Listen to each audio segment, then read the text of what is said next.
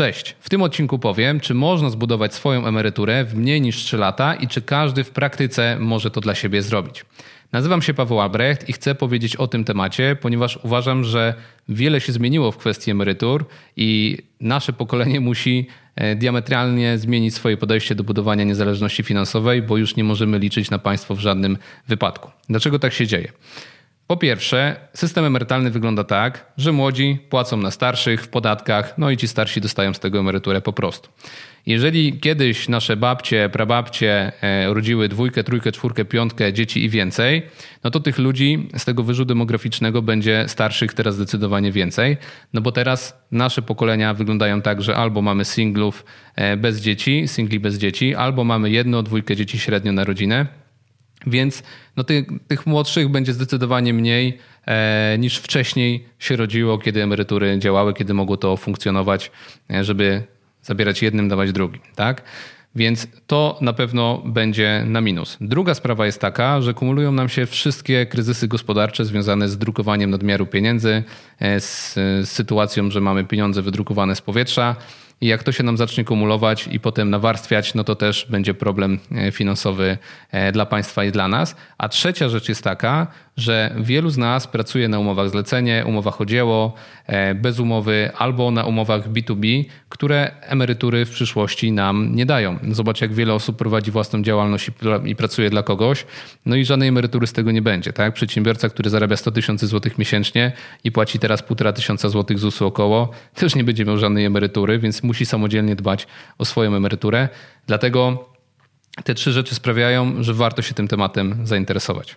Ten odcinek zaczniemy od takiej pierwszej ważnej uwagi. Wydaje mi się, że wszystkie działania, o których będziemy mówili w tym odcinku, mogą stracić sens za kilkanaście, kilkadziesiąt lat, bo cały świat idzie nieuchronnie w stronę e, powrotu wielkiego socjalizmu w wymiarze, jakiego jeszcze do tej pory nie było. Dlatego jestem praktycznie przekonany, że własność prywatna, e, majątek, który zgromadzimy, w dalszych latach może nie być już do końca nasz. Taką stronę idzie świat, bo ludzi, którzy nie chcą nic robić i chcą zabierać innym, żeby dostać socjal dla siebie, jest zdecydowanie więcej niż tych osób przedsiębiorczych, którzy chcą dbać o swoją finansową przyszłość. No i niestety doprowadzi to do sytuacji, w której nie będzie tak kolorowo, jak jeszcze jest powiedzmy teraz. Dlatego ważna uwaga na początek. Wszystko się może jeszcze zmienić z naszym majątkiem prywatnym i idzie to w tą stronę. Dlatego najważniejsze jest to, co mamy w głowie, nasza zdolność do zarabiania pieniędzy, żebyśmy mogli się zaadaptować do każdej sytuacji, która wystąpi. Więc przede wszystkim, patrząc pod kątem emerytury, warto zadbać o swoją umiejętność zarabiania pieniędzy w każdych okolicznościach, no i nauczyć tego nasze dzieci, nasze przyszłe pokolenia, żeby to oni martwili się o nas, kiedy my będziemy starzy. Taka jest moja główna rada. W związku z tym, że nie mamy innego wyjścia, no musimy zadbać o swoją emeryturę sami, no to przechodzimy do punktu drugiego, w którym powiem, w jaki sposób to zrobić. No i sposób jest najprostszy taki, że budujemy biznes, firmę, czy mamy tak wysokie umiejętności, że zarabiamy mnóstwo pieniędzy co miesiąc i za te zarobione pieniądze kupujemy mieszkania za gotówkę, które się wynajmują w nowych budynkach deweloperskich. Kupujemy sobie 10 takich mieszkań, każde zarabia nam powiedzmy 1500 zł, więc mamy ponad 10 tysięcy złotych miesięcznie i mamy zrobioną emeryturę. Plan prosty jak to.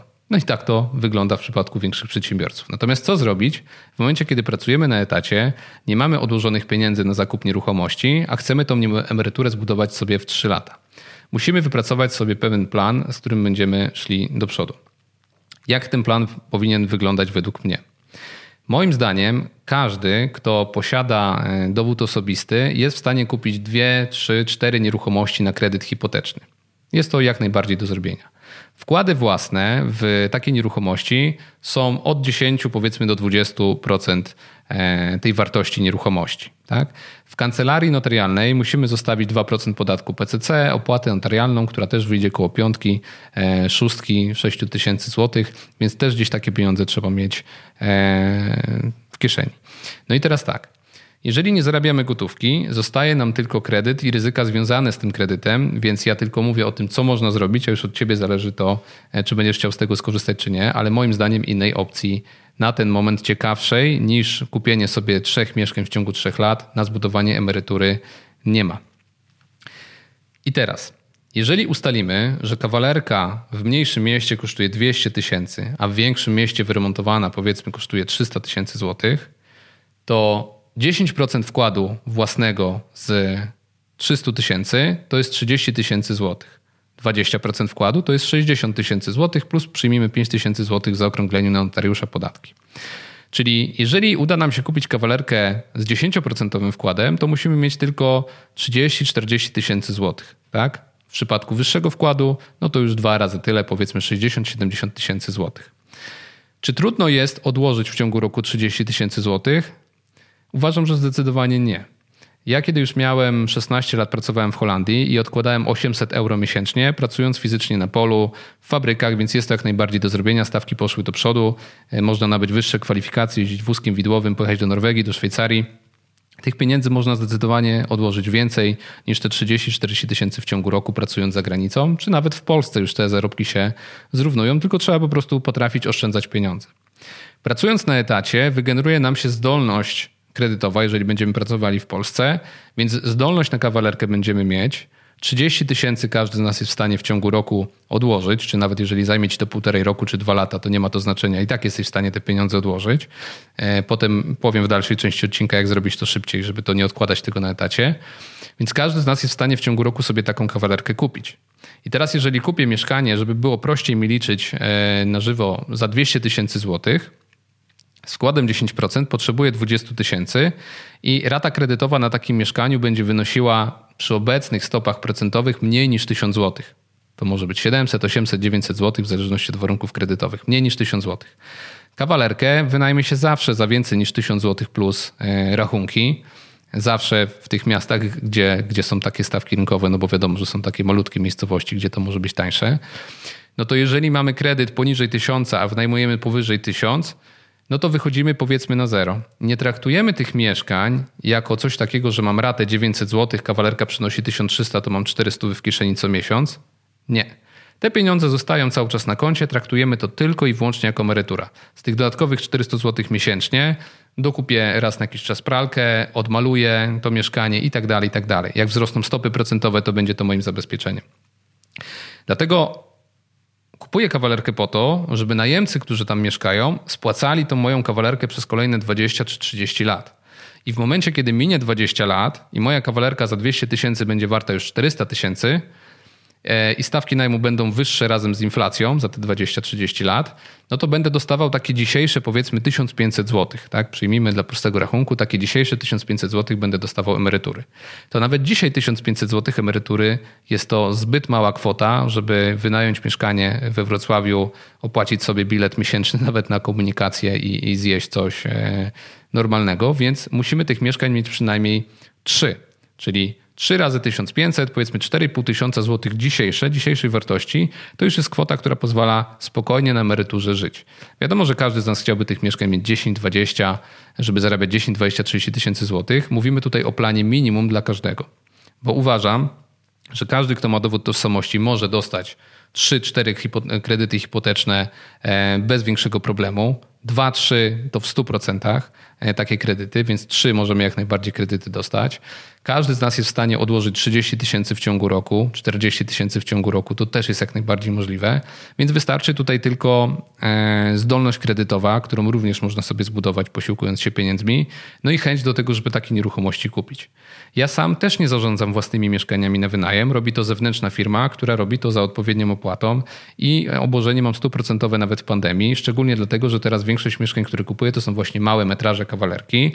Dzięki temu e, większość najemców, która chce mieszkać samodzielnie, bez innych lokatorów, przechodzi właśnie w takie kawalerki. To, że czynsze lekko pospadały, to jest inna historia, natomiast one cały czas trzymają swoje obłożenie w przeciwieństwie do dużych mieszkań wielopokojowych, gdzie ta sytuacja się mocno przez pandemię zmieniła.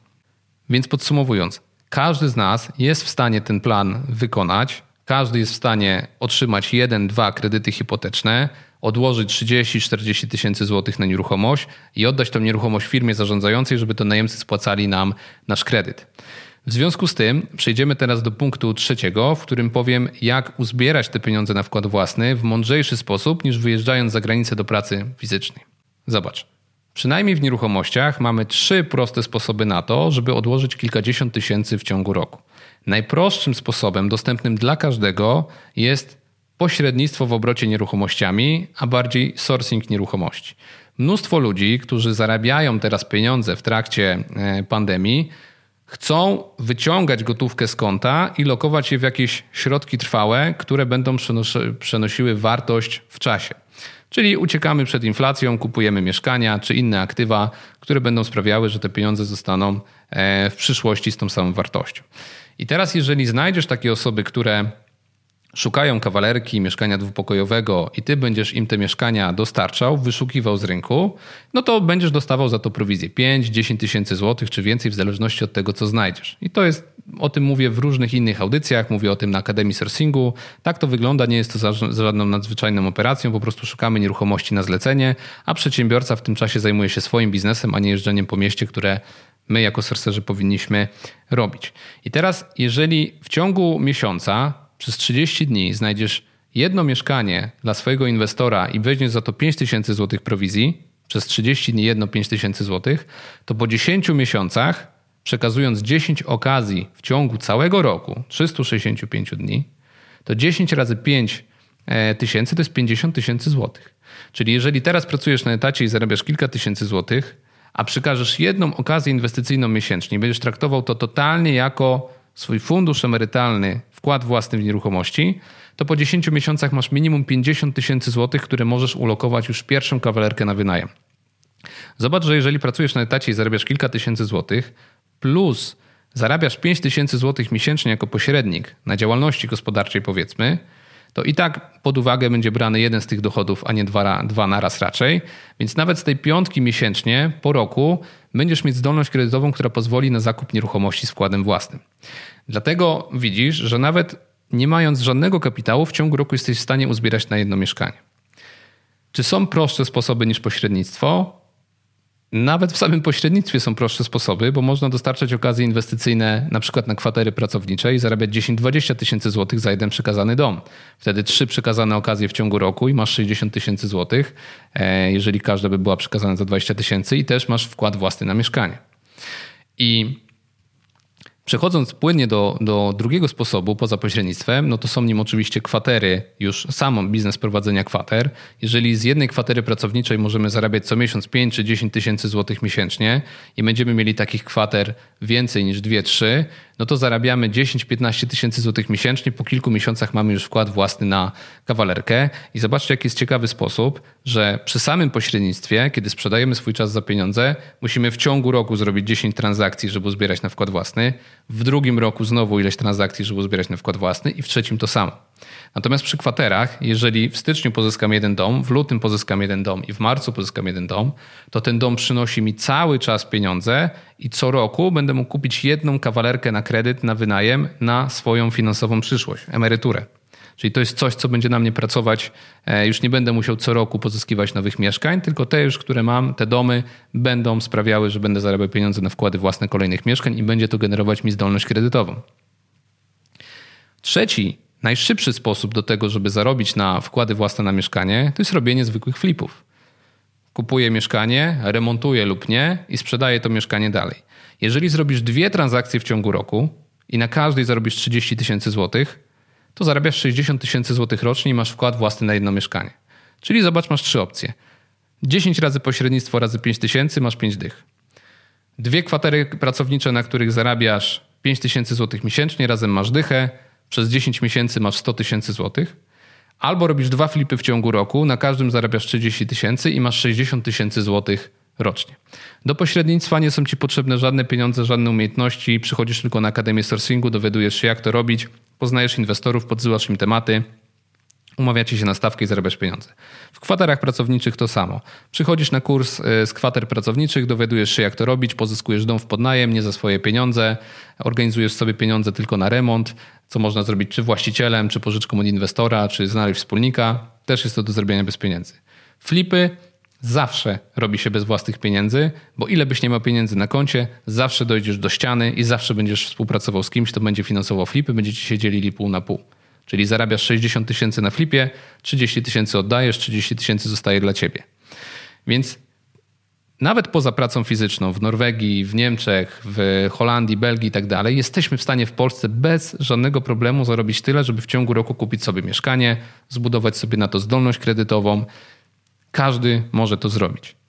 Czyli plan na finansową emeryturę wygląda tak, że mamy 3 lata, w każdym roku kupujemy mieszkanie za 10 czy 20% wartości, oddajemy to profesjonalnej firmie zarządzającej, zapominamy o temacie i skupiamy się na tym, żeby coraz więcej gotówki zarabiać, zwiększać swoją zdolność do zarabiania pieniędzy, żeby w razie co, mając te kredyty, móc te raty kredytowe spłacić.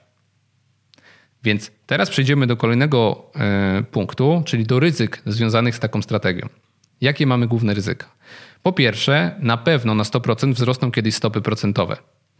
I problem będzie polegał na tym, że teraz, jeżeli mamy 700 zł raty kredytowej, to ta rata kredytowa może wynosić 1500.